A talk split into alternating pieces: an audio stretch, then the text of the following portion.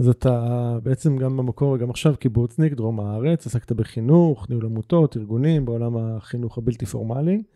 מה בעצם גורם לך לקום יום אחד ולעשות שינוי טוטאלי לכיוון של אה, להתחיל לעסוק בנדל"ן? טוב, זאת uh, בעצם שאלת השאלות.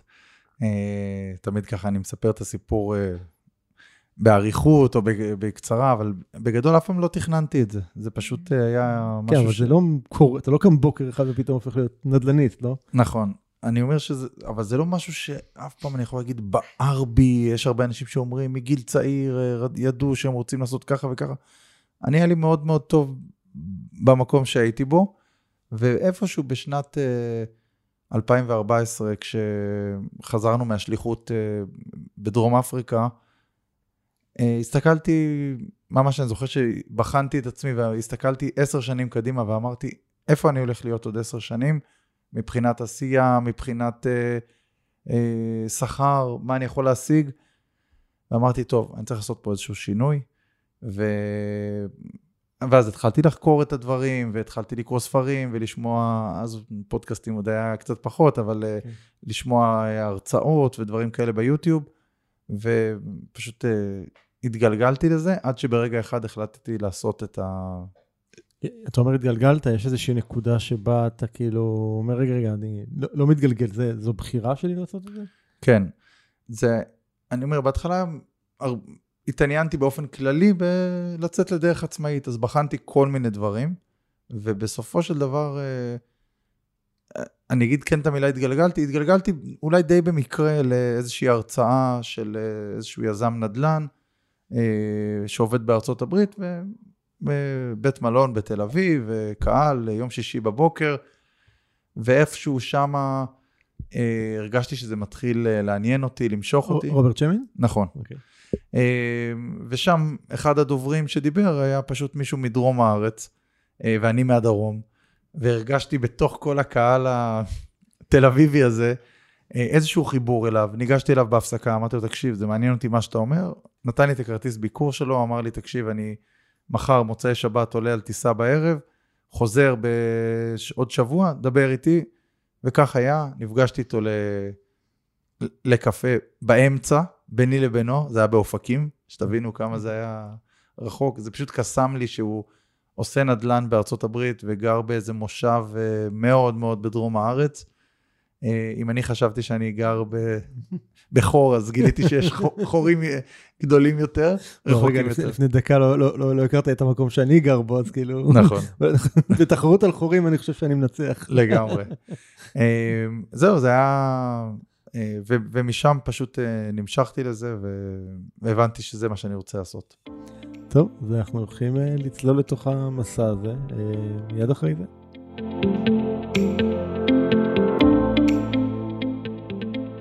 הדבר היחידי הקבוע הוא שינוי. ובכל זאת, אנשים רבים חוששים ונמנעים מלעשות שינויים בחייהם.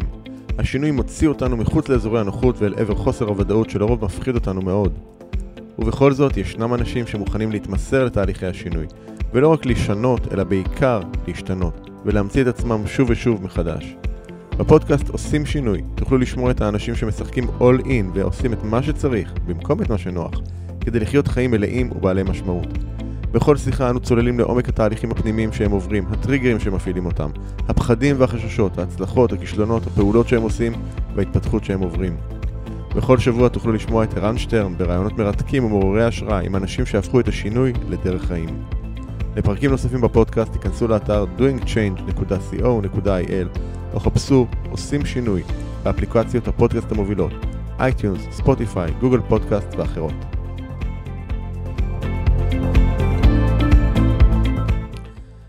ברוך הבא ירון שיפוני. שלום, תודה.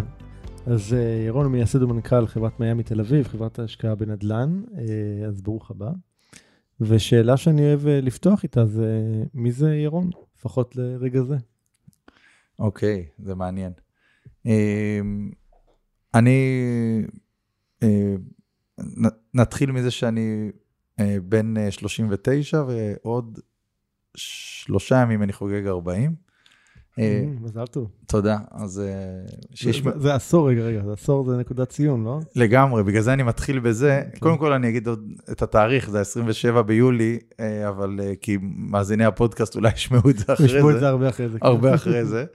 אה, אז כשאתם שומעים את הפודקאסט אני כבר אה, חוגג 40. עכשיו אתה חושף כמה backlog יש לי בפרקים. וואי וואי וואי. אני עושה הכל טוב, הכל טוב. אמ, זהו, ואני למעשה אמ, אה, נשוי לנועה, אה, אבא לשלושה ילדים, ובחרתי ככה להגיד את הסיפור של הגיל, כי באמת לא, אף פעם לא גדלתי לתוך העולם הזה, לא התחלתי עם זה. עשיתי איזשהו שינוי כיוון לפני שמונה שנים בחיים, בגיל 32, שינוי מאוד מאוד משמעותי, שהלכתי בעצם מתוך בחירה מאוד מודעת ו... וברורה לתחום הזה של נדל"ן, נדל"ן בארצות הברית. התחלתי עם משהו מסוים, תכף נדבר על הדברים האלה, אבל, אה, ומשם התפתחתי ועברתי. אני בן קיבוץ אה, בית קמה, אה, הרבה שנים אחרי הצבא גרתי בכל מיני מקומות בעולם, בקנדה, בדרום אפריקה, במקומות שונים, ולפני כמה שנים חזרנו, נועה זוגתי ואני, לגור חזרה בבית קמה. יש לנו, כמו שאמרתי, שלושה ילדים, אה, דניאל, איתמר ועלמה. אה, זהו, ואני אה, מ- מתעסק בתחום הזה על אף האתגרים של המרחק. לא סתם ציינתי את גיל 40 ולא סתם ציינתי שאני מהדרום. אז מה- אז מה יש ב- מה יש בזה עבורך בשתי נקודות הציון האלה? זהו, אני אומר שמהדרום, אני בהתחלה ניסיתי לעשות, להקים את החברה בדרום והתעקשתי על זה. לאט לאט הבנתי שגם המסה הגדולה של המשקיעים היא ככל הנראה ונמצאת במרכז, וגם בסוף אם אתה רוצה להיות זמין עבור אנשים גם מהדרום, גם מהמרכז וגם מהצפון, אתה צריך להיות גיאוגרפית איפשהו באמצע, ואנחנו בימים אלה עוברים למשרדים חדשים ברעננה. אה, אז זה ככה, זאת הנקודת ציון הזאת, אבל אני לא מוותר עליה בשום אה, אופן, לא נשאר לישון במרכז או משהו כזה, כל יום חוזר, אה, אה, חוזר הביתה לבית שאני, שאני אוהב. ומבחינת הגיל, אה, יש בזה משהו, זה, כמה שזה נשמע דבילי, ואף פעם לא חשבתי שאני כאילו ארגיש את זה, אבל יש פתאום המון דברים ש... שאני מרגיש שאני צריך אה, להספיק או לעשות, או, ש...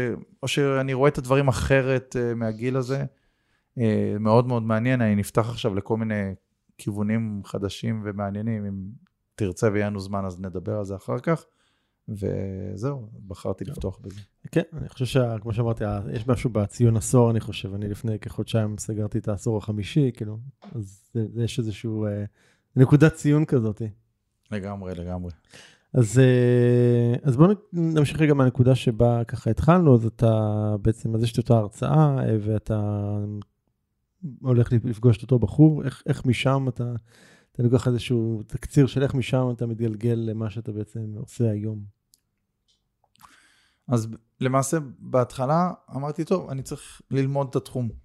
ללמוד את התחום זה אומר, אה, אפשר לעשות קורס, אפשר אה, לשמוע הרצאות, אפשר, ואפשר בדרך שבה אני אה, מאמין, ואני חושב שבסוף זו הייתה הבחירה הכי טובה, לעשות את זה באמצעות הרגליים. זאת אומרת, במשך שנה עבדתי איתו אה, אה, צמוד, אה, הייתי, אה, מה, מה זאת אומרת עבדת איתו? באת אליו ומה מה אמרת לו? אמרתי לו, תקשיב, אני רוצה ללמוד, בוא, יש לך פה מישהו שהוא רעב להצלחה, לא מכיר את התחום, לא יודע, אה, בוא תלמד אותי כל מה שאפשר, אני אהיה עובד מעולה בשבילך, ואתה תוכל אחר כך, אה, אתה גם מרוויח אה, עובד אה, אה, טוב וחרוץ, וגם אה, בשכר אה, יחסית נמוך, כי אין לי הרבה ניסיון. אה, וזה היה פה איזה ווין ווין סיטואשן, הוא, בעצמו באותה תקופה רצה להגדיל את החברה ולקלוט עוד עובדים, הוא, הוא גם קלט באמת עוד עובדים, ובשבילי זה היה, זאת הייתה שנה מדהימה. נסעתי מטעמו לארצות הברית, כל פעם אה, למדתי לעשות משא ומתן עם קבלנים ועם אה, מתווכים, ולאתר נכסים ולעשות שיפוצים, וכל העולם הזה, פשוט בשנה הזאת אה, נגלה לעיניי. מה שהיה מיוחד זה שיש לי איזשהו חבר ילדות, שהוא ברוקר אה, נדל"ן במיאמי. הם גרו הרבה שנים, הם, הם גרו בארץ, וכשהוא היה בערך בין אה, אה, 10, 12, הם עברו למיאמי, ועם השנים הוא גדל ונהיה שם ברוקר נדל"ן, ומה שקרה שכל פעם שסיימנו, סיימתי לעבוד ב, בצפון המדינה, איפה שעבדנו, אה, הייתי יורד אליו לארבעה, חמישה ימים למיאמי, כדי לבדוק אה, שיתופי פעולה, כדי ללמוד את התחום, כדי לראות שוק אחר. אנחנו עבדנו אז במדינת, אה, עם אותו בחור שעבדתי, עבדנו אז באוהיו. ופתאום זה היה לעבוד במקום אחר, זה היה אה, לראות את מיאמי, מזג אוויר אחר, שוק בנדל"ן מאוד שונה, וזה מאוד מאוד קסם לי. ובדיוק שנה אחרי שעבדתי עם אותו בחור, אמרתי לו, תודה רבה, אני מודה לך מאוד על, ה... על כל מה שלימדת אותי ומה שנתת לי. מכאן אני רוצה להמשיך אה, הלאה בעצמי, בדרך שלי, ובעצם הקמתי את, ה... את החברה. אה, אז עוד היה, סתם ככה טכנית, זה היה, אני זוכר, זה עוד היה עוסק מורשה. אה, זה אחר כך לקפוץ להקים חברה. ובהתחלה באמת עבדתי עם כסף של חברים ומשפחה, ש... שמעו, ראו קצת שאני טס, מה אתה עושה? אה, משקיע בנדל"ן? טוב, אחלה. אה, יצרתי שם קשר במיאמי עם שותף אה, מקומי, דרך אותו חבר, הכרתי אותו, ובעצם קנינו בתים אה, מהבנק ב foreclosure, בתים שהבנק מעכל. בעצם בתים בכינוס נכסים. נכון. הבנק היה מעכל את הנכסים, מוציא את זה למכירה פומבית. אנחנו היינו נותנים bid ים, זאת אומרת הצעות, ובמידה ומקבלים את ההצעה, רוכשים את הבית ב... ללא מימון, זאת אומרת בכסף אה, מלא, משפצים ומוכרים. עסקאות יחסית מאוד מהירות, לפעמים ממש מקצה לקצה היה לנו שלושה חודשים, ממש מרגע הקנייה, שיפוץ ומכירה, שזה מהיר. בוא נגיד שיש עסקאות שלקחו יותר זמן, אה, חצי שנה, שמונה חודשים, תלוי במורכבות הפרויקט. אה, ועשינו אחלה כסף, והמשקיעים שלנו עשו אחלה כסף, ונהנינו והכל היה בסדר, אבל uh, משהו שם אחרי, אחרי זמן לא רב, אחרי שנתיים, נגיד בסביבות 2017, התחלתי להבין שזה קצת בעייתי התחום הזה. א', לא הייתי ישן בלילה. כל היום... למה? מאיזה סיבה? משתי סיבות. אחד, טכנית, העבודה היא כל הזמן לנהל uh, קבלנים. מול ארצות הברית. כן. נכון. בשעות אחרות, שם הפוך. בדיוק. העבודה דרשה המון המון המון אה, חיבור יומיומי למה שקורה בשטח. לדבר עם הקבלן ולבחור את הריצוף ולבחור את הצבע הזה וללכת פה ולקנות ולשלם ולעשות, וכל היום אתה מתעסק עם זה. דבר שני, התחום הזה של פליפים הוא, הוא רכבת הרים, לטוב ולרע. לטוב כי אתה יכול להיות למעלה ובאמת להרוויח אז לא יודע, היום זה מספרים פשוט הזויים, כאילו 50 אחוז ב... בחצי שנה, ואתה יכול uh, גם להתרסק. אבל להתרסק, אתה לא מאבד את הנכס, אבל אתה בטוח שאתה תרוויח uh, 50 אחוז בחצי שנה, ואתה מגלה שיש תוכנית עסקית ויש מציאות. אז uh, זה, זה, היה, זה היה לי מאוד מאוד אינטנסיבי וקשה מדי, uh, הרכבת הרים הזאת, ולכן החלטתי גם בעקבות מה שאני הרגשתי, אבל גם בעקבות העובדה שהיה איזשהו, אה, אה, המחירים התחילו לעלות בארצות הברית, והגאפ, הפער בין הקנייה למכירה כבר לא היה גדול כמו בעבר, ויותר ויותר אנשים התחילו לצאת מהתחום הזה של פליפים. והיום, דרך אגב, אני חייב להגיד, אין, אין הרבה אנשים שעושים את זה. זה לא כזה רווחי, זה לא כזה משתלם כמו בעבר. ומשם התחלתי לעשות אה, אה, נכסים מורכבים יותר. בהתחלה נכסים אה, מולטי פמילי קטנים, שש דירות, שמונה דירות, עשר דירות, סכומים נמוכים יחסית, 800 אלף דולר, מיליון דולר, שתי מיליון דולר. צברתי ביטחון, צברתי ידע, צברתי ניסיון, ומשם טסתי קדימה. אה, כמות גדולה יותר של נכסים, אה, עסקאות מורכבות יותר. יצאתי ממיאמי והתחלתי לעבוד באזורים נוספים, בניו יורק, ביוסטון, באטלנטה, בוושינגטון. אמ, ושם באמת גיליתי את הייעוד האמיתי שלי ושל החברה שלי, שזה בעצם אה, אה, מה שאנחנו עושים היום, אנחנו בעצם אה, מאתרים נכסים בארצות הברית, בעיקר נכסי מולטי פמילי או מרכזים מסחריים, לא מתעסקים יותר עם בתים פרטיים. יש לי משקיעים שבאים, מתחננים, תראה, אני רוצה לקנות בית פרטי, אני קודם כל חושב שזה לא נכון. ואני אומר לו, אם אתה, למרות ההסבר שלי, עדיין ת, תחשוב שזה נכון עבורך, אז יש הרבה חברות אחרות בשוק, אתה מוזמן לפנות אליהן. אז אנחנו לא עוסקים בזה. ובעצם היום אנחנו עושים פרויקטים עם שותף מקומי בארצות הברית, בכל אזור יש לנו את השותף המקומי המסוים, אה, שגם מביא את המימון לעסקה, מימון אמריקאי. אה, אנחנו מביאים את האקוויטי אה, פלוס כל הניהול של העסקה מ-A to Z עבור המשקיעים שלנו, גם בצד הבירוקרטי, מסמכים, טפסים והכול, גם בצד של העברות כספים, ניהול העסקה. אנחנו נמצאים כל הזמן בשטח, טסים הרבה לארצות הברית, אה, וזהו, מייצרים אה, עסקאות טובות, מעניינות ותשואות אה, טובות למשקיעים שלנו. היה בתקופה הזאת איזשהו, איזשהו בטוח כמו כל עסק או בכלל, אתה יודע, חיים, יש, יש משברים, יש אתגרים, יש... מן הסתם גם היו לכם דברים כאלה, לא?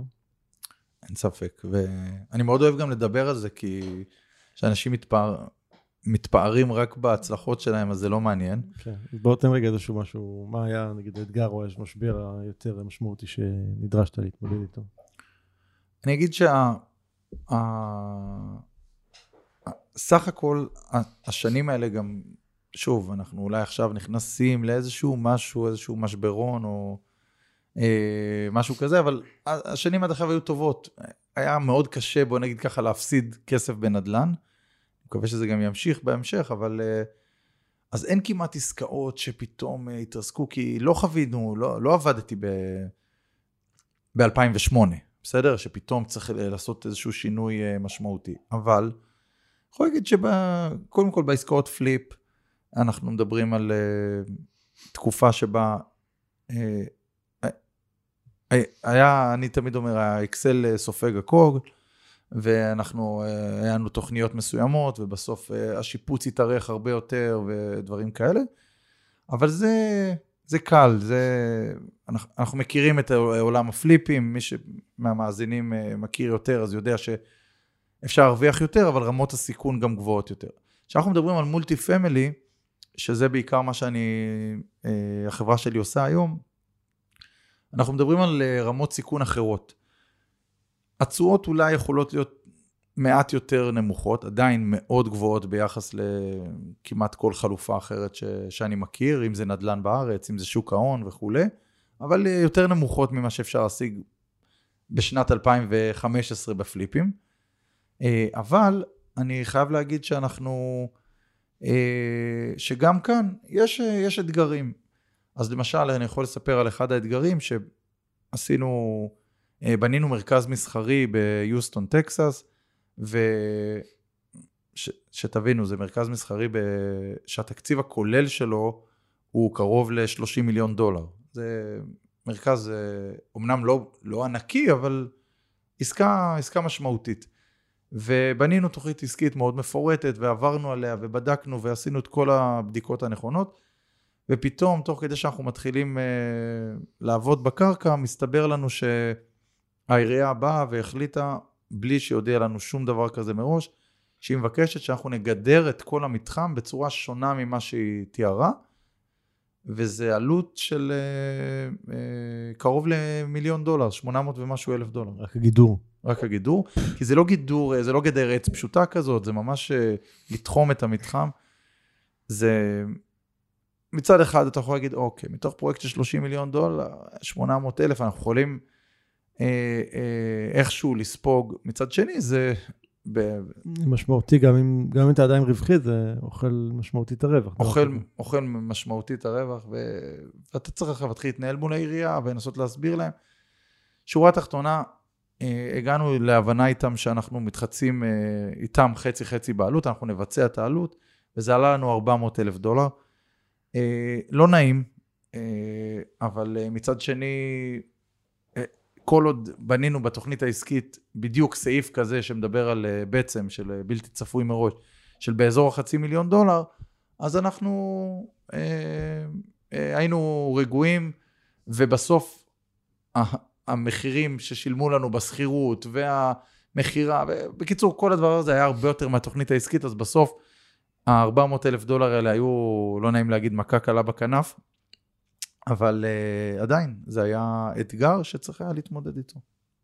כן, רק כשאתה בתוך זה אתה עוד לא יכול לדעת מן הסתם שזה אה, מכה, מכה נכון, קטנה בקלה. נכון. אז איך ישנים בלילה? תמיד יש אנשים ששואלים אותי איך ישנים בלילה, ואני אומר, באופן כללי, לישון בלילה, אה, כשאתה מנהל עסק כזה, אם אתה, אם אתה לא יודע לישון טוב בלילה, אז אל תיכנס לזה. אה, תגיד רגע משהו על זה, כאילו, כזה מעניין. כי אני חושב שזה הרבה עניין של אופי. אני, בסוף, אתה מנהל כסף של אנשים. יש לך אחריות מאוד מאוד גדולה על הדבר הזה, ואתה צריך אה, לבוא לכל דבר כזה ממש בחרדת קודש. אבל מצד שני, צריך, כשאתה אה, מוכר את הפרויקט, כשאתה משווק את הפרויקט, לא לדבר רק על הדברים הטובים, אלא גם לדבר על הסיכונים, ושהמשקיע שאיתך יודע שאנחנו נציג לו בתוכנית העסקית איקס אה, אחוזים, בסדר, לא, אסור לדבר על אה, תשואות, אז אני אגיד איקס, אה, תשואה של איקס אחוז בשנה. אני מחויב להסביר לו שזה לא, אין פה גרנטי ואף אחד לא מבטיח לו וזה עסקת נדל"ן ויכולה לבוא עירייה ופתאום להגיד תשלמו את הגדר ודברים קורים. אז תסמוך עליי, אדון משקיע, שיש לנו את הניסיון ויש לנו את כל, אנחנו עושים את כל הבדיקות ואנחנו באמת עושים הכל על מנת שהדבר הזה יצליח, אבל יש דברים שגם לא תלויים בנו. ואם אתה מבין את זה, אז אתה כמשקיע תוכל לישון הרבה יותר טוב בלילה, ואני אה, כבעל חברה ידע שאתה סומך עליי, ו... ופחות תתרגש מכל אה, איזה תנודתיות אה, קטנה שיש. בעצם כשמשקיעים באים לחברה כמו שלך, חברות דומות, אז הם מגיעים כי הם מחפשים את ה... הם רוצים בעצם את הבנפיט, הם רוצים את התשואות, הם רוצים אה, שהכסף יעבוד מן הסתם, אבל הם באים אליכם כי הם מחפשים איזושהי רמה של אה, ביטחון. הרי נכון. בשביל זה הם באים, כן? שמישהו ייתן להם את הביטחון הזה. כשכמו שאמרת, זה נדל"ן, אתה יודע, הכל יכול לקרות, כן? אנחנו עכשיו בתקופה, לא יודע, לא יודע, אף אחד הרבה לא באמת יודע מה באמת הולך לקרות. יש השערות, ספקולציות, אתה יודע. אבל, אז איך אתה, כאילו, זה מקום כזה של, אתה צריך לספק מוצר או שירות שאין לך יכולת לספק אותו. זאת אומרת, אם המוצר, אם השירות הוא ביטחון, אין לך באמת יכולת אמיתית לספק אותו. אז אני, אני קצת חולק עליך, okay, כי... אוקיי, אז איך אתה רואה את זה? אני רואה את זה בזה שבסוף אה, משקיעים, אה, הם מחפשים, כמו שאתה אומר, את הביטחון ואת הניסיון, ואת העניין המאוד מאוד פשוט, רובם, ככה אני מתרשם, אה, ונפגשתי עד היום באמת עם מאות משקיעים, אני יכול להגיד שהם לא, הם, הם מבינים שאין להם את הידע והניסיון עכשיו להתחיל לעשות את זה בעצמם, אין להם את היכולת לעשות את זה בעצמם, ואין להם את הזמן להתעסק בזה בעצמם, ולכן אנחנו, גם יש לנו את הידע והניסיון, וגם אנחנו מנהלים את זה עבורם ממש, זה הסיסמה שלנו מ-A to Z. באמת מנהלים את הכל, מהשלב הראשוני של העברות הכספים והחתימה על החוזים ו, והדוחות הרבעוניים שנשלחים אליהם, ועד בסוף האקזיט עם כל ההגשה לרשויות האמריקאיות, כל מה שצריך לעשות כדי שאתה כמשקיע לא תתחיל עכשיו להתרוצץ ולעשות את כל הדברים האלה בעצמך. אתה תוכל לעשות את זה, אבל א', זה יגזול ממך זמן יקר, ב', זה כנראה גם יגזול ממך כסף, כי אתה, כי אתה לא... יש פה הרבה עניין של ניסיון גם בסוף. ברור. כי אין לך ניסיון, כי אתה לא מכיר את השוק הזה, כי אתה לא יודע, כי עכשיו אתה צריך להתנהל בזה לבד. זה... ובוא, עסקה של, אה, אה, של 30 מיליון דולר שתיארתי קודם, אתה כמשקיע, אה, אני אומר משקיע גנרי, כן, עם ה-150 אלף דולר שלך, כנראה לא תוכל להיכנס אליה בעצמך. אתה חייב פה איזושהי חברה שיודעת לתכלל ולנהל את כל הדבר הזה. וזה איזשהו אה, אה, תן וקח, זאת אומרת, הבנה שאם בסוף, עסקה יכולה להיכשל, בסדר? אבל אם אתה תדע שאני עשיתי הכל עבורך כדי שזה לא ייכשל, ובגלל זה גם דרך אגב, אני פותח פה סוגריים, ערן, אנחנו אה, שמים אה, בכל פרויקט משקיעים מהכסף שלנו. למה? כדי להיות בזהות אינטרסים עם המשקיעים, כדי שלא יופי, לשחק בכסף של מישהו אחר. אז אם העסקה תפסיד, אני יודע שגם אני אפסיד כסף באופן אישי. כאשר אתה יוצר את כל הזהות האינטרסים הזאת, אז אתה יודע שאתה ב, ב, במקום אחר. והמשקיע יכול לסמוך עליך ולדעת ש, שאתה באמת עושה הכל. ואין פה שום... אה, אם, ואם חס וחלילה קורה, שוב, אני אומר, בצורה נדירה, אבל לפעמים קורה משהו לא טוב, אז אנחנו לא ב... זה לא מתוך זדון, זה לא מתוך רשלנות, זה לא מתוך uh, חמדנות, uh, עקיצה, או כל מיני דברים שאנחנו שומעים עליהם בשוק. היו, uh, היו רגעים שבהם חשבת לעזוב את הנדל"ן? אם היה איזשהו אתגר או קושי, משהו כזה שאמרת, כאילו, וואלה, בשביל מה אני צריך את כל השיט הזה עכשיו פתאום? מה הראה לי בחיים הקודמים, בחינוך, שקט, ישנים בלילה? אני, לא, אני אגיד את האמת, תשובה ממש ממש ממש כנה, לא, אני ממש נהנה מזה, אני קם כל בוקר, מה זה עם uh, ברק בעיניים והתרגשות ו- וכיף מאוד מאוד גדול ממה שאני עושה. לפעמים יש משקיעים מעטים באמת ברמה שאני יכול לספור אותם באמת אולי על, יד אחת, שלא מבינים את, ה, את התפקיד שלי ואת התפקיד שלהם. בדרך כלל זה המשקיעים הכי קטנים, אלה ששמים הכי מעט כסף. Uh, הרבה פעמים אני כבר יודע לזהות את זה מראש, שמשקיע שזה אולי הכסף האחרון שלו וזה, אז הוא, הוא יהיה הרבה יותר, סליחה על הביטוי במרכאות, קרצייה. אני לא אוהב להגיד את זה על משקיעים, אבל יש משקיעים לפעמים ש... אתה אומר להם, טוב, אני שולח עכשיו פרויקט, אני שולח כל רבעון דוח מסודר. שולח את זה, הוא עונה לך, שולח את, את, את, את הדוח, עונה לך, ושבוע אחרי זה שואל, מה עם הדוח הבא? רגע, תן לנו, תן לעבוד, יש, לא סתם אנחנו אומרים כל רבעון. אה, אז כן, יש גם משקיעים כאלה, זה, אם אני אגיד בכנות, זה לא גורם לי לרצות uh, לעזוב, אבל זה החלק הפחות uh, נעים כן. במקצוע. כן. באופן כללי, אני חושב שהעלית פה נקודה, יכול להיות גם מהצד שלי בעסקים, לאורך השנים לראות שבדרך כלל ככל שלקוח משקיע יותר, כן, משלם יותר, מה שזה לא יהיה, אז uh, כך הוא יהיה uh, לקוח טוב יותר. נכון. זה איזשהו ככה טיפ לעסקים באופן כללי. כן, אבל מדהים בקטע הזה, יש לי משקיע שסתם, אני אומר, אה, כבר נכנס עם אה, למעלה ממיליון דולר, בסדר, בן אדם עם אה, אמצעים, אני לא שומע ממנו. עכשיו, זה, זה, זה בדרך כלל קשר ישיר. כן, אני גם חושב שזה קשר ישיר, כן. לפחות מה שאני רואה. אמ, יש איזה שהם מחירים, אתגרים שהיית, שאתה רואה שכאילו היית צריך להתמודד איתם כדי לה, ככה לעבור את השינוי ש, שעשית, השינויים שעברת? ברמה של כשעברתי מ... כן. בכלל משכיר לעצמאי כן. לתחום הנדל"ן וכולי. Mm-hmm. אה, תראה, בהתחלה יש הרבה חוסר ודאות. אנחנו מדברים על עולם ש...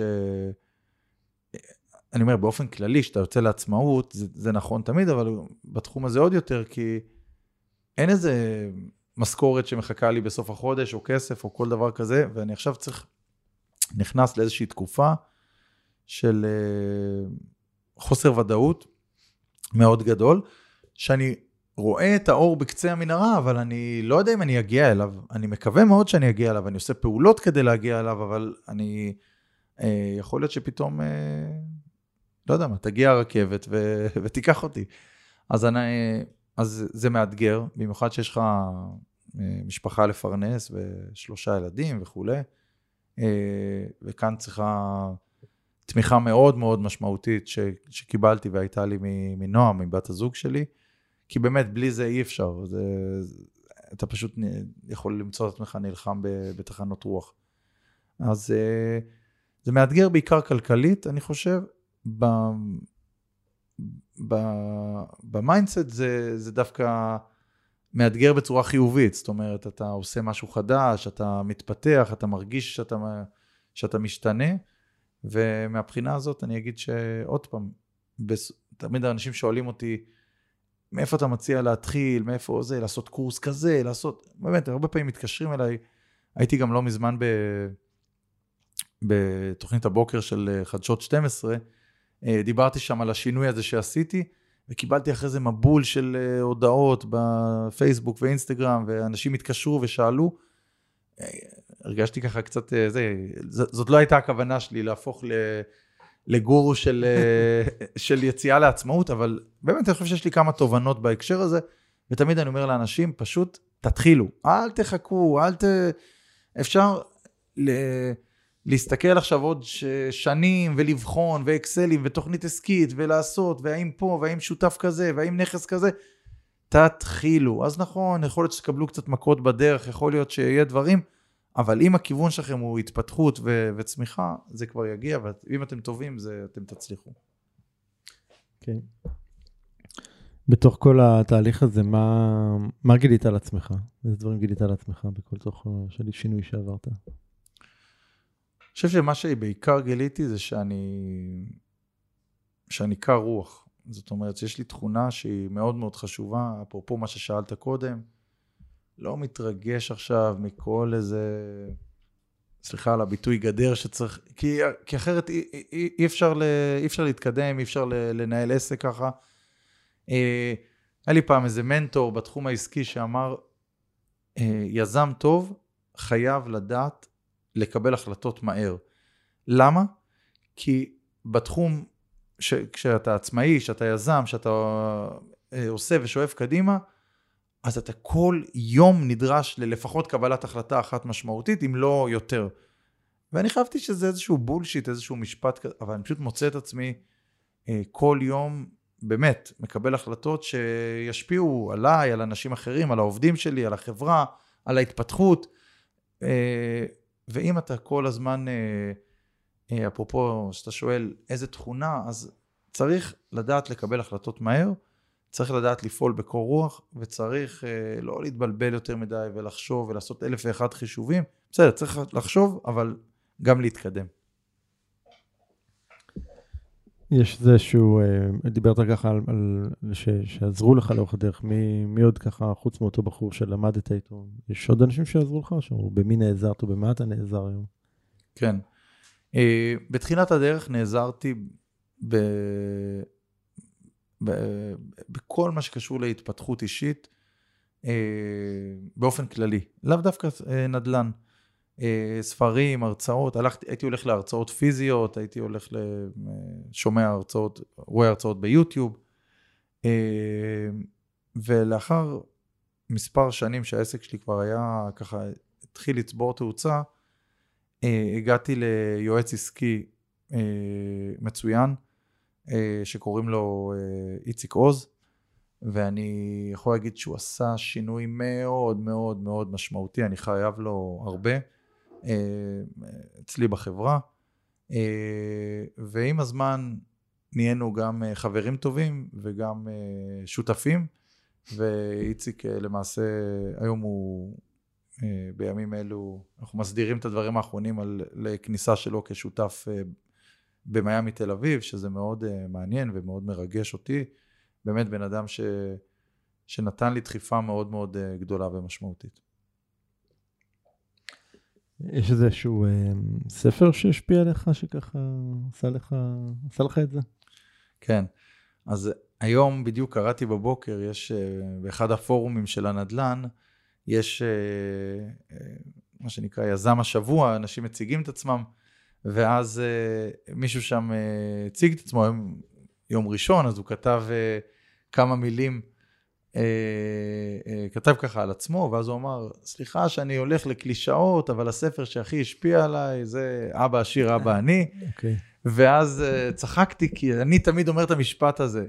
אני מצטער שאני קלישאתי וכולי. זה, גם הספר שהתחיל, הניע אצלי את כל תהליך השינוי. לגמרי. אז, כנראה שזה קלישאה, אבל זה קלישאה כן. נכונה. כן. כן, אני חושב שזה לא היצירה הספרותית הכי טובה בעולם, אבל בהחלט טוב. לפרק לך הרבה מאוד אמונות, ואני כשקראתי אותו בפעם הראשונה, אז אני הרגשתי שכאילו זה מישהו משך לי לגמרי את השטיח מתחת לרגליים. לגמרי. פירק לי לגמרי את כל מה שחשבתי, האמנתי ופעלתי על פיו, והוא ממש ממש ממש טלטל את עולמי. אני כל כך מזדהה עם מה שאתה אומר ו- ומסכים. זה ממש, כאילו גרם לי להבין, רגע, מה? זה, כאילו אשכרה אנשים פועלים ככה, איפה הייתי כל השנים? כאילו אני... ולמה לא סיפרו לנו? למה לא כן. לא סיפרו לנו? ומה שאני תמיד, אה, זה מצחיק אותי היום, שהיום אני עוזר לאנשים, אני שותף ב, בחברה ש, שאנחנו נותנים אה, ייעוץ אה, כלכלי ועסקי גם למשפחות וגם לחברות, והרבה מהמשקיעים שלי זה משקיעים שאני בעצם אנחנו מסייעים להם למנף את הכסף שלהם, למשל, מהבית הקיים להם, מקרנות הפנסיה וכולי, לטובת השקעות אה, אצלנו במיאמי תל אביב, בארצות הברית. ואני נתקל הרבה פעמים באנשים, שכשאני מספר להם את התהליך הזה, אני אומר להם, תקשיבו, אתם, אה, אנחנו לוקחים את הדירה שלכם, היא שווה ככה וככה, אתם יכולים להוציא ככה וככה משכנתה, אה, ואת זה להשקיע. ואז אומרים לי, מה פתאום, זה לא יכול להיות. אני אומר להם, מה זה לא יכול להיות? זה, זה קורה. לא, אם זה היה קורה, אז כולם היו עושים את זה. אז אני אומר להם, אנשים עושים את זה. לא, לא יכול להיות שלא סיפרו לי על זה, זה נשמע, כאילו, אנשים לא מאמינים. עכשיו, זה קורה, ו... אבל הנה הקטע, שכולם, או הרוב, או המון, איך שלא נרצה לתייג את זה, אה, לרוב אה, פועלים בדרך אה, שלא מביאה אותם לתוצאות שהם רוצים. נכון. אז כאילו להגיד שכולם עושים את זה, אז זאת אומרת, אני, אני בהגדרה, לפני הרבה מאוד שנים הבנתי שאני לא רוצה להיות איפה שכולם נמצאים.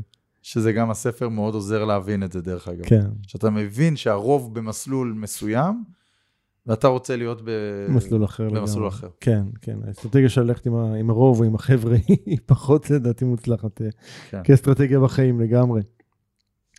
Uh, תגיד, מה, מה אתה חושב שהילדים שלך לומדים ממך?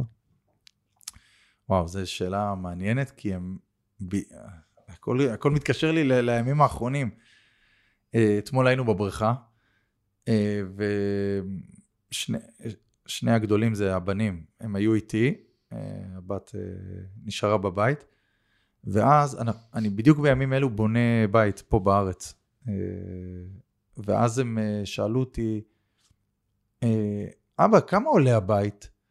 אז אמרתי להם, אז הם אמרו, מה, יש לנו את כל הכסף הזה בחשבון? התחלתי להסביר להם שצריך לשים הון עצמי, ומה זה משכנתה. עכשיו, זה ילדים בגילאי 9 ו-11. אני חושב שפעם לא הייתי מוצא את עצמי מדבר, הייתי אומר להם, לא, לוקחים אה, הלוואה, לא יודע מה. והתחלתי ממש לפרק את זה ולהסביר להם. ואני חושב שזה, שהם לומדים מזה המון. הבן שלי, הגדול, בן 11 וחצי, הוא כבר אמר לי, אבא, אה, אני רוצה בבר מצווה שלי לבוא איתך לארצות הברית, לראות מה אתה עושה. זה מאוד אה, מרגש, זה מאוד מעניין, כאילו לראות שהם מקבלים את הדבר הזה, את החוויה הזאת, זה, זה משמעותי. מה אבא עושה?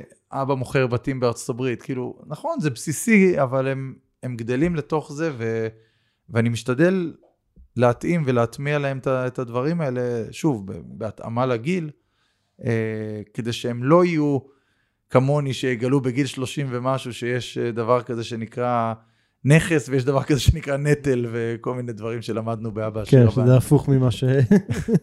ממה שלמדים אותנו בכל מקום. נכון, נכון. אמ, תגיד, אם הייתי יכול לארגן לך שלט חוצות ענק במרכז המדינה, או אפילו מרכז העולם, שכל אחד בעולם יכול לראות מה כתוב עליו, מה, מה היית רושם עליו? אה, וואו, איזה שאלה, ערן. אמ,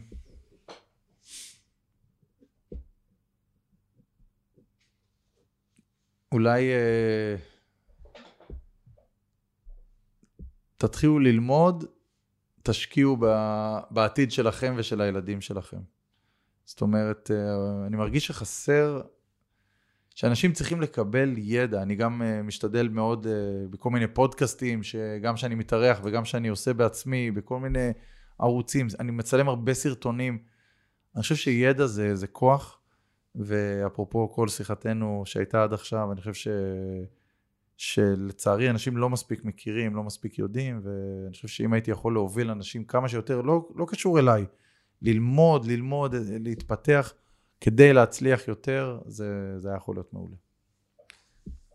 אם, אה, אם היה לי איזושהי טכנולוגיה כזאת שאני יכול לרגע לשגר אותך אה, בחזרה לעבר, אוקיי? זאת אומרת, את, את אה, ירון של היום לירון, לא יודע, צעיר יותר, תכף תגדיר באיזה נקודת גיל זה היה, והיית יכול לתת לו איזושהי עצה אחת ככה, מניסיונך היום לירון של אז, מה, לאיזה גיל היית חוזר ומה היית אומר לו? אני חושב ש... את הטעויות הגדולות התחלתי לעשות כשכבר הייתי בוגר, אה, אבל עדיין צעיר. זאת אומרת, אה, אחרי הצבא, פתאום אחרי הצבא, אני כבר, אני יחד עם אה, נועה, אנחנו בזוגיות כבר מהצבא. ואז אה, מיד אחרי שהשתחררתי מהצבא, עוד אה, ככה היינו זה, ועברנו לגור ביחד. ואנחנו תמיד נהנים לצחוק על כל הטעויות שעשינו, הכלכליות שעשינו אז, זה פשוט אה, לא יאומן. זה... קיבלנו פתאום איזה סכום, לא יודע מה, של אה, אה, 60 אלף שקל, מה עשינו? רצנו לקנות רכב ב-60 אלף שקל. כאילו, כל מיני שטויות כאלה שאתה היום... אני אומר, בואנה, איך אף אחד לא בא וניער אותי ואמר לי, תגיד, מה, מה אתה עושה? איך אף אחד לא לימד אותי? אז אני חושב ש... אם...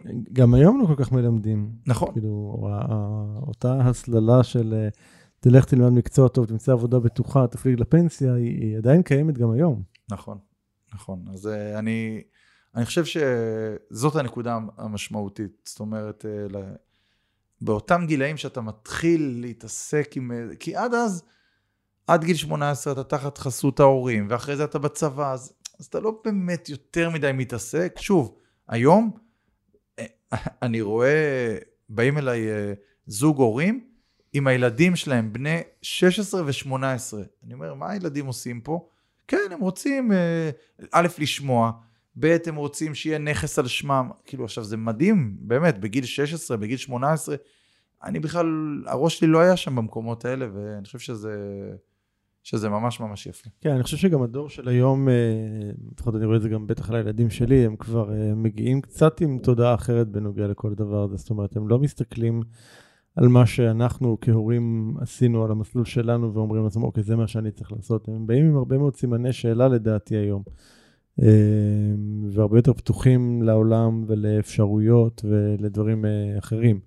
יש עדיין כאלה שכן הולכים בהסללה הרגילה, אבל אני, אני חושב שיש באמת בדור הזה הצעיר יותר, אה, יותר אנשים ש, שעוצרים רגע לשים את הסימני שאלה. אני חושב שהם רואים, אתה יודע, אני חושב שאם אני מסתכל נגיד אני על ההורים שלי, אז אתה יודע, מה שראיתי זה חיים מאוד אה, נוחים ואתה יודע, רגועים, כאילו, אמא הייתה חוזרת בשלוש הביתה, אבא היה מגיע מאוחר, בארבע, כן, אה, יוצאים לחופשה השנתית, כן, שניהם עובדי מדינה, יש קביעות, אתה יודע, חיים מאוד נינוחים, כן, לא... והיום... אה, ובטוח גם אמרו לך, תיקח עבודה עם קביעות, ברור, עם קביעות. ברור. אתה יודע, כש- כש- כשישבתי מול ההורים שלי ואמרתי להם שאני עוזב את אינטל, אה, אבא שלי אמר לי, זיכרונו לברכה, אמר לי שני דברים. הדבר הראשון, הוא אמר לי, אני חושב שאתה עושה טעות חמורה. הדבר השני שהוא אמר לי, זה, אני לא מבין איך אתה מוותר על הקביעות. ואמרתי לו, אבא, אה, אינטל, אין, אין, אין קביעות. הוא אומר לי, לא, לא, לא, אבל בהסכם הקיבוצי, מה הם חייבים לך? אני אומר לו, אבא, אין הסכם קיבוצי, אין דבר כזה. אומר לי, אז בחוזה האישי, אמרתי לו, אין גם חוזה אישי.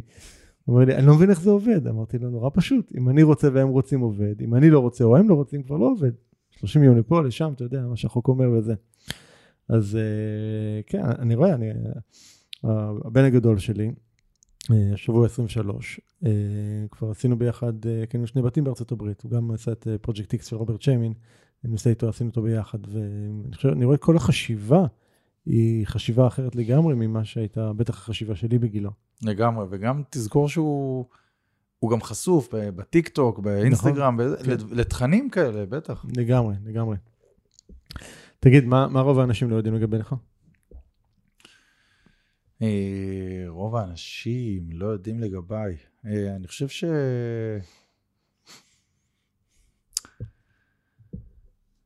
אני חושב שהרבה אנשים שלא מכירים אותי ככה מהעבר, אה, בטוחים שאם אני מתעסק בנדל"ן, אז אני משהו קר ו... וכל הדימויים שיש לאנשי נדל"ן. ואז כשמתחילים לדבר איתי ומ... ו... או עושים איתי עסקים או כל דבר כזה, אז מגלים את, ה... את הדברים היותר אה, עמוקים, רבדים שונים שלא... ש... שפחות אולי בולטים או אה, סטריאוטיפים שנשענים עליהם. זו שאתה לא הסטריאוטיפ. כן, לגמרי, לגמרי. רגע, בהמשך למה שאמרנו קודם, נניח שמישהו עכשיו אה, מאזין ושומע, ובאמת אה, רוצה לעשות איזשהו צעד של לקחת את העתיד הכלכלי שלו בידיים שלו, מה, מה היית אומר לו? איך, מה נקודת התחלה בכלל לתהליך כזה? אה, אני חושב שקודם כל להתחיל, עוד בלי רגע להתפטר מעבודה וזה, לה- להתחיל לחקור את הנושא במה שמעניין אותך. אה, ללכת לכנסים, לשמוע הרצאות, לפודקאסטים, כל מה שיש היום, והיום באמת השוק הוא כל כך רחב כן, שאפשר... הידע מאוד נגיש. ידע מאוד מאוד נגיש, ו- ובאמת אפשר להגיע לכל כך הרבה. מצד שני, אני מזכיר מה שאמרתי קודם, לא לטבוע בידע, כי, כי הידע הוא אינסופי, ואפשר עכשיו שנים רק אה, לשמוע. להפוך להיות סטודנט נצחי. נכון. וצריך גם לזכור שצריך בסוף לעשות. אה, ואני חושב שהשלב הבא זה להכין איזושהי תוכנית פעולה. אני מלווה עכשיו מישהו שעושה בדיוק את זה. הוא עבד כשכיר הרבה שנים בתחום הנדל"ן, וכמו שאני הייתי באותה שנה בתחילת הדרך, ולמד והוא מכיר המון המון המון, הוא באמת יודע, יש לו ידע גדול. אה, והוא רוצה לעשות את הצעד הבא, ללכת להיות אה, עצמאי בתחום. ואני, ככה, הוא קרוב אליי ואני מלווה אותו. ובאמת, אני אומר לו, אוקיי, את הידע יש לך. אתה לא צריך עכשיו, אה, שוב, תמיד יש לי מה ללמוד יותר, אבל בגדול אתה כבר מבין. עכשיו, השלב הבא זה ההתפתחות האישית. אה, תכין לך איזושהי תוכנית פעולה. אני אפילו הייתי אומר, תמצא, אה, מה שהצעתי לו והוא עשה, אה, תמצא שותף, תמצא פרטנר. אני מוצא, אה, ש- שאני הייתי בלי שותף, אני לא, לא מסתכל עכשיו על חלוקת עבודה או משהו זה פשוט היה לי הרבה יותר קשה. אה, אתה, כל העניין של, אתה, אני חושב שאתה מרגיש מאוד מאוד לבד, גם. באחריות, אין למי להתייעץ, אין למי לשמוח, לכל הדרך, אתה תחושת מאוד לבד. לגמרי. אני חושב ששותף זה לא לחלוק במשימות, כי לחלוק במשימות אתה יכול להביא עובד, אבל יש משהו בזה שאתה מרגיש, כמו שתיארת בדיוק, מרגיש מאוד לבד, ולכן אני חושב ש...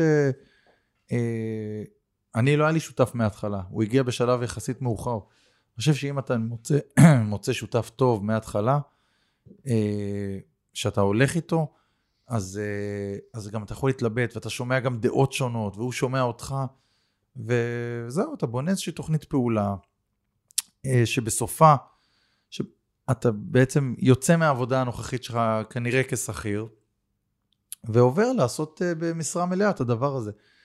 אני אגיד, אגיד גם עוד משהו, יש הרבה אנשים ש, שמתקשים להתנתק מהמקום הזה שבו הם אומרים, אוקיי, אני שכיר, יש לי משכורת קבועה, ואני אחרי שעות העבודה אפתח את העסק שלי. בסדר, זה נכון בתור התחלה, אבל גם כאן יש גבול, ואתה צריך לשים את הגבול הזה, כי, כי אחרת מאוד קשה להתנתק מהמקום הזה.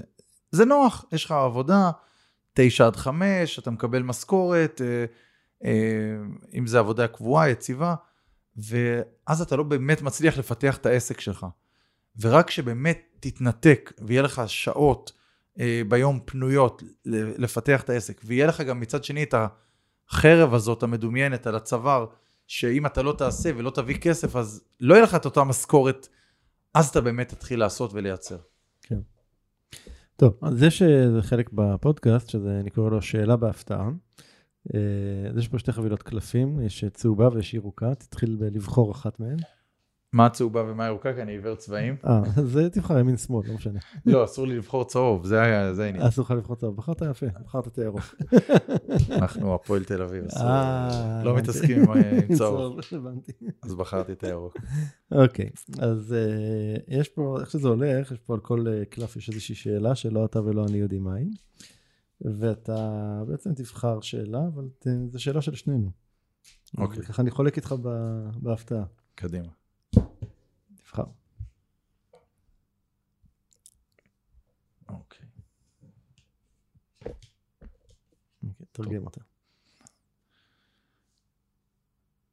אוקיי, מה אתה תעשה כשיהיה לך אה, שעה יותר ב- במשך היום? מה היית עושה עם שעה אחת יותר במשך היום?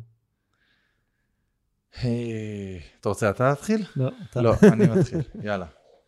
אה, אני בעבר אה, קראתי הרבה עיתונים וספרים.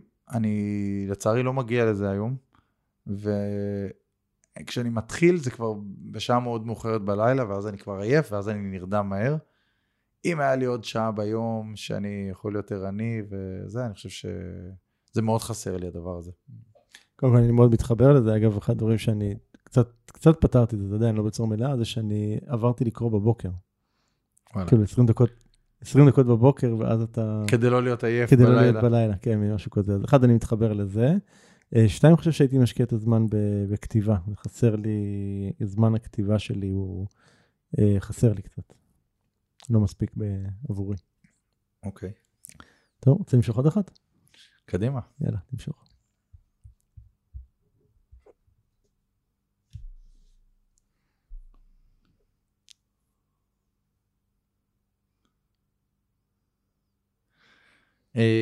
אם אה, אתה יכול לשנות ליום אחד את המגדר שלך, אה, איך תבלה את היום הזה? וואי וואי וואי וואי, שאלה מעניינת. אוקיי. אוקיי. טוב, ערן, הפעם אתה מתחיל. אני צריך זמן לעכל את השאלה. תשמע, אתה בחרת, אחראיתי עליך. אגב, סתם, יש לי חבילות עם כלים, יש לי עוד חבילות קלפים עם שאלות יותר נועזות, אני פה ריחמתי עליך. אוקיי. אה, אז איך הייתי מבלה, אם הייתי משנה את המגדר, איך הייתי מבלה את היום? אמ, hmm, שאלה מעניינת. אה, אני חושב שהייתי מנסה כרגע לחוות את העולם, באמת מה זה אומר להיות, אה, מה זה אומר להיות אישה, מה זה אומר להיות מהצד השני, כן? מה זה אומר להסתובב ברחוב כאישה. אה, להיות באינטראקציות אה, מהצד השני. אני חושב שיש בזה אה, בעיניי משהו מאוד מאוד מסקרן לנסות לחוות את זה. הייתי מנסה לקבל את החוויה הזאת. אז אני, זה קרוב למה שאני חשבתי. אני חושב שיש משהו ב... כאילו, זה פשוט כתוב שזה רק יום אחד, אז כן. אני לא עכשיו לוקח את זה לאיזושהי עבודה או משהו כזה, כי זה... אבל באמת החוויה הזאת של, לא יודע מה, ללכת ברחוב ושמסתכלים עליך כאישה ואינטראקציות חברתיות, הכל, זה נראה לי מאוד מאוד מעניין ומסקרן, ומה שאנחנו לא מספיק מבינים. כן, אין לנו את ההבנה הזאת. לא, לא יכולים להבין כמה שלא יסבירו לנו, אז אה, בוא נגיד שלא הייתי מתחלף, לא הייתי מתחלף ל, ליום של הלידה. מה שרציתי להגיד בדיוק. בדיוק עבר לי בראש שלא נראה לי שהיה גבר שאומר שהוא היה מתחלף בלידה. כן, זהו, אז לשם לא הייתי מתחלף. אנחנו לא גיבורים גדולים כאלה כמו שאנחנו חושבים. כן, לגמרי. טוב, תגיד, יש איזושהי שאלה שלא שאלתי אותך שהייתי צריך לשאול? אה, איפה אני עוד אה, עשר שנים, בגיל חמישים? כן, נכון, איפה בעשור החמישי? טוב, אז קודם כל אני שלושה ימים לפני בא לפודקאסט שלך, שהוא כבר יהיה מצולם ולהתראיין שם. תזכור, קבענו. אני, אני רושם לי ביומן. אה, יש לי חלומות אה, מאוד מאוד גדולים, לאן אה, אני רוצה להגיע ברמה האישית ולאן לקחת את החברה. אני אדבר רגע על, פחות על ה... ברמה של החברה, כי כי שם באמת אני יכול, אה, יש, יש כל מיני מחשבות, לאן להתפתח ולאיזה כיוונים. אה, נראה לי זה פחות מעניין, יותר מעניין ברמה האישית שאני אה, רוצה להעמיק את, ה, את הנושא הזה של, של המשמעות האישית, של התפתחות אישית, כל מה שאני עושה שיהיה מחובר מאוד ל... אה, לרגש, שיהיה מחובר מאוד להוויה של כאן ועכשיו. אה, לא כל הזמן רק לרדוף ולחשוב על הפרויקט הבא ועל ההצלחה הבאה, אלא שאני אוכל לדעת ולהסתכל סביבי ולהגיד, הנה, אני גם נהנה מה, מהקיים, מה, מהדברים שסביבי, מהילדים שגדלים, מהחופשות המשפחתיות, מכל דבר שאני... ו, וכל שאר הדברים זה פשוט אמצעי כדי להשיג את זה. זאת אומרת... כן. אז אני מבין את זה היום, אבל אני מרגיש שאני לא מספיק מיישם את זה, ואני מאוד מקווה שאני בעוד עשר שנים אהיה כבר במצב אה, תודעתי מאוד מאוד אה, מפותח אחר בהקשר הזה. אחלה. טוב, יש איזושהי שאלה שהיית רוצה לשאול אותי? אה, כן. יאללה. כמי שעוסק בזה, בעולם הפודקאסטים, אנחנו נמצאים עכשיו בשנת 2022, אה, אני אישית אה, עשיתי בהתחלה פעם פודקאסט, ואז אה, זנחתי את זה, וכולם אומרים לי, כן, כן, אתה צריך להיכנס לעולם הזה, ואתה עוסק בהשקעות בחו"ל, תעשה. אבל אני איפשהו מרגיש שיש איזושהי הצפה של הדבר הזה. ואולי זה כאילו קצת הולך עכשיו למקום אחר. איך אתה רואה את זה, כאילו את העולם הזה, את ההתפתחות, שאתה, שאתה חי את זה? אז אה, טוב, אז אולי אני משוחד, כי תכף תבין למה אני אולי משוחד, אבל אנחנו כרגע מקליטים, בדיוק בחדר פה שהופך תוך כדי אה, להיות פה אולפן, שאני בונה כאן ביחד עם שני הבנים שלי, שיש להם סוכנות של פודקאסטים. אז זה המקום שאני אומר שאני כאילו- כנראה אולי משוחד, אבל לפחות מנתונים שאני רואה, וממש לפני, ממש ככה, שעה לפני שהגעת, ישבנו על זה וראינו ככה נתונים חדשים, אה, אה, כמות הפודקאסטים בארץ אה, פחות או יותר מכפילה את עצמה משנה לשנה.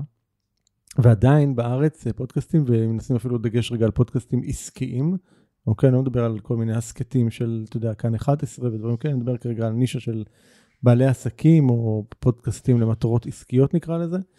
אה, אנחנו מדברים פה על פחות מ-0.1 אחוז מהעסקים בארץ היום שמשתמשים בכלי הזה, שזה כלום, פחות או יותר, זה כלום, זה אפילו לא 0.1 אחוז, אני עיגלתי למעלה. אז אני חושב שיש פה עדיין פוטנציאל מאוד מאוד מאוד גבוה, אני חושב שהיופי בפלטפורמה הזאת, להבדיל מ... אתה יודע, אנחנו כאילו בעולם של אה, טיק טוק ואינסטגרם ווידאו וכאלה, זה שאת התוכן הזה אפשר למקבל.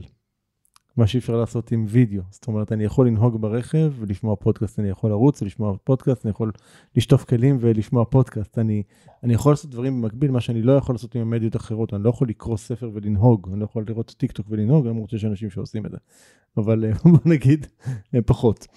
אז uh, אני חושב שלגמרי יש פה עוד פוטנציאל. אני חושב שהאתגר הוא יהיה באיך אתה מביא משהו שהוא... מתבדל מכל השאר, כן, עכשיו זה נכון לכל עסק מן הסתם, אבל uh, אני חושב שבאמת איך להביא את הנרטיב לפודקאסט שלך, שהוא עושה אותו משהו מעניין והופך אותו למשהו uh, שהוא uh, uh, לא טריוויאלי. Uh, יוצא לי לשבת בהרבה מאוד פגישות עם לקוחות, uh, לעזור להם לגבש את האסטרטגיה לפודקאסט שלהם, ולא פעם הפיצוח כאן זה לאו דווקא ממה, מהדבר הטריוויאלי, זאת אומרת, נגיד סתם, ניקח את העניין של נדל"ן, אז לאו דווקא זה דרך הנדל"ן הפיצוח של הפודקאסט תהיה. כן, אתן דוגמה שאני אוהב להשתמש בה, אבל uh, uh, חברת דורקס, אתה יודע מה הם מייצרים, אוקיי? כאילו, אתה לא תעשה פודקאסט על קונדומים, נכון? כאילו, כנראה שלא, מה יש לך להגיד על זה, כן? אבל מה שהם עשו, אני חושב, מהלך מאוד חכם, הם לקחו את הנישה של חינוך מיני לבני נוער. והם עושים פודקאסט על זה. עכשיו, זה בשביל מן הסתם קודם כל ההורים ואחר כך הם, אבל כמובן שהם מאוד מזוהים עם הפודקאסט הזה, ואני חושב שזה באמת, באמת בעיניי החלטה מאוד חכמה ללכת ופיצוח מאוד יפה של איך עושים מין מהלך כזה. אמ, אז זה, זה אני חושב שזה, ה... לשם לדעתי זה הולך, אני חושב שהמדיה הזאת היא, עוד יש לה, היא, היא כאן להישאר, אני חושב שיש לה עוד עתיד, אני, יש פה עוד הרבה מאוד דברים נוספים שאני חושב שהם בכלל ברוח התקופה הזאת, הרבה מאוד יתרונות שבגללם זה, זה כאן להישאר, זה, זה שבעבר, אם תחשוב על התקשורת המסורתית, היינו צריכים כ... בעלי עסקים, ובכלל כאינדיבידואלים, היינו צריכים uh, לזכות בחסדי התקשורת לקבל קצת תשומת לב. בסדר? אתה צריך איזה, לקבל אייטם של שלוש דקות בטלוויזיה, היית צריך ככה או לשלם הרבה, או לכתת רגליים, או להתחנן למישהו שאיכשהו תצליח להתגלגל לזה, ולא הרבה היו צריכים להיכנס, כי בסוף אנחנו מדברים פה על, על, על סלוטים מאוד מוגבלים בסופו של דבר, מצומצמים. היום אתה רוצה להביא את המסר שלך לעולם? הנה, מה שאתה צריך פה זה ציוד לא מאוד יקר, ו... צוות שדר, כן? אתה רוצה ערוץ טלוויזיה משל עצמך? תפתח את זה, כן? זה לא... אתה לא צריך, אתה לא זקוק לחסדים של אחרים בשביל להביא את הקול שלך ואת הביטוי שלך לעולם היום. ואני חושב שזה גם איזשהו משהו מאוד מאוד חשוב, אבל כמו, אתה יודע, כמו בכל דבר, בסוף אנשים שיהיו, ייקחו את הדבר הזה בצורה רצינית, אה, לפתוח פודקאסט זה לא הבעיה, זה באמת עבודה יחסית מאוד פשוטה. העניין הוא, זה להתמיד בדבר הזה. אנחנו מקליטים היום, היום יצא לאור אצלי פרק 98 בפודקאסט. אוקיי? בשבוע הבא יש לנו אירוע גדול של, של חגיגות פרק המאה, הקלטה של פרק 100 מול קהל, פרק live. אז אה, לעשות 100 פרקים זה הרבה יותר מאתגר מאשר לפתוח פודקאסט. כי אתה צריך פה, במיוחד אם זה פודקאסט שבועי, כן? אז אתה צריך פה כל הזמן, אתה צריך להיות על זה, אתה לא, כמו כל דבר, כמו בנדל"ן, כמו בכל עסק. אז אני חושב שזה בסופו של דבר מה שככה יהיה ה-game changer בין, בין הדברים. לגמרי. אז למה בהקשר הזה אתה הולך עכשיו לכיוון של לצלם גם את הפודקאסט? אה, אני חושב שקודם אה, כל כפורמט אודיו, פודקאסט לפורמט אודיו, כן, זה היכולת של, של באמת למקבל. אה, אבל אה, ברגע שאנחנו עכשיו במהלך כזה באמת של להקים אולפן, אז הכל נגיש. אז כבר אם זה נגיש, אז אם אני יושב בכורסה, אז להפעיל את המצלמה וגם ליצור מזה וידאו, זה לא, מבחינתי אין פה איזשהו, אה, אתה יודע, זה, יש לי את המנגנון שיודע לטפל בזה. אם, אם היית אומר לי עכשיו שאין לי את המנגנון ואין לי את האולפן ועכשיו לעשות את הוידאו, הייתי אומר לך, עזוב, לא, לא, לא, לא שווה את ההשקעה, אני לא חושב שזה מצדיק את המהלך. אבל מאחר וזה נגיש לי וזה שלי, אני רק צריך לבוא ולשבת פה, שאני במילא יושב פה, אז זה לא איזשהו אקסטרה מאמץ מבחינתי, זו, זו הסיבה. הבנתי. מעניין. טוב, אה, רון, קודם כל היה לי כיף, ותודה שבאת. אני אה, ככה, אה, מי שרוצה להתחבר, ליצור איתך קשר, איך, איך הדרך הכי קלה ונוחה לעשות את זה? אפשר או לרשום או ירון שיפוני או מיאמי תל אביב השקעות נדל"ן בגוגל, יעלה לכם כבר האתר ויש שם את כל תגיעו. הפרטים. אנחנו גם נשים קישור בדף של הפודקאסט. אז אני רוצה להגיד לך הרבה תודה שבאת לכאן. תודה לך שאירחת אותי. ולכם המאזינים, אם אהבתם את הפרק, אם הפקתם ממנו ערך, אז אה, בואו, אל תהיו כאלה, שתפו לאחרים, לחברים, למשפחה, שגם הם יוכלו ליהנות, ואם אתם מוכנים להשקיע בנו עוד איזה חצי דקה בחזרה, אז כנסו לאפליקציית הפודקאסטים שאתם מקשיבים דרכה, אם זה Spotify או באפל, ותנו לנו שם דירוג, ואני מאוד מאוד מקווה שהרווחנו גם חמישה כוכבים מכם. אז תודה רבה, ירון. תודה. להתראות. ביי ביי. זהו, עד כאן לפרק של היום. אם אהבתם את הפרק, אל תשכחו לדרג את הפודקאסט ב iTunes, Spotify, Google Podcast, SoundCloud, יוטיוב או בכל פלטפורמה אחרת שדרכה אתם מאזינים לנו כרגע. תוכלו למצוא אותו באתר הפודקאסט doingchange.co.il את כל הכישורים הרלוונטיים לפרק הזה. שם גם תוכלו להירשם לפודקאסט ואנו נשלח לכם תזכורת בכל פעם שאנחנו מעלים פרק חדש. נרשמים באתר doingchange.co.il אני מזמין אתכם לכתוב לי תגובות, מה אהבתם, את מי תרצו לשמוע בפרקים הבאים, או כל הערה והערה אחרת שיש לכם. אתם מוזמנים לשלוח לי ישירות למייל feedback at ערנסטרן.co.il או בפייסבוק שלי facebook.com/ערנפנפייג'. אם אהבתם את הפרק הזה, אל תשאירו את כל הטוב הזה רק לעצמכם. בטוח שיש לכם חברים שרוצים גם הם לעבור שינוי. שתפו אותם ושילחו להם את הפרק. ומילה אחרונה, אבל חשובה. אם קיבלתם השראה מהפודקאסט ואתם מרגישים את השינוי בוער בכם, אם החלטתם שאתם רוצים שינוי ואתם מוכנים לעשות את מה שצריך, ולא את מה שנוח, כדי ליצור את השינוי הזה בחיים שלכם, אני מזמין אתכם לתאם איתנו שיחת בהירות, ללא עלות וללא התחייבות. בשיחה הזו נעזור לכם להתמקד ולהבין כיצד לקדם את השינוי בחייכם. לתיאום השיחה ייכנסו לאתר ערנסטרן.co.il/doingchange ושוב, ערנסטרן.co.il/doingchange. אני ערן שטרן, שמח שהאזנתם ונשתמע בפרק הבא.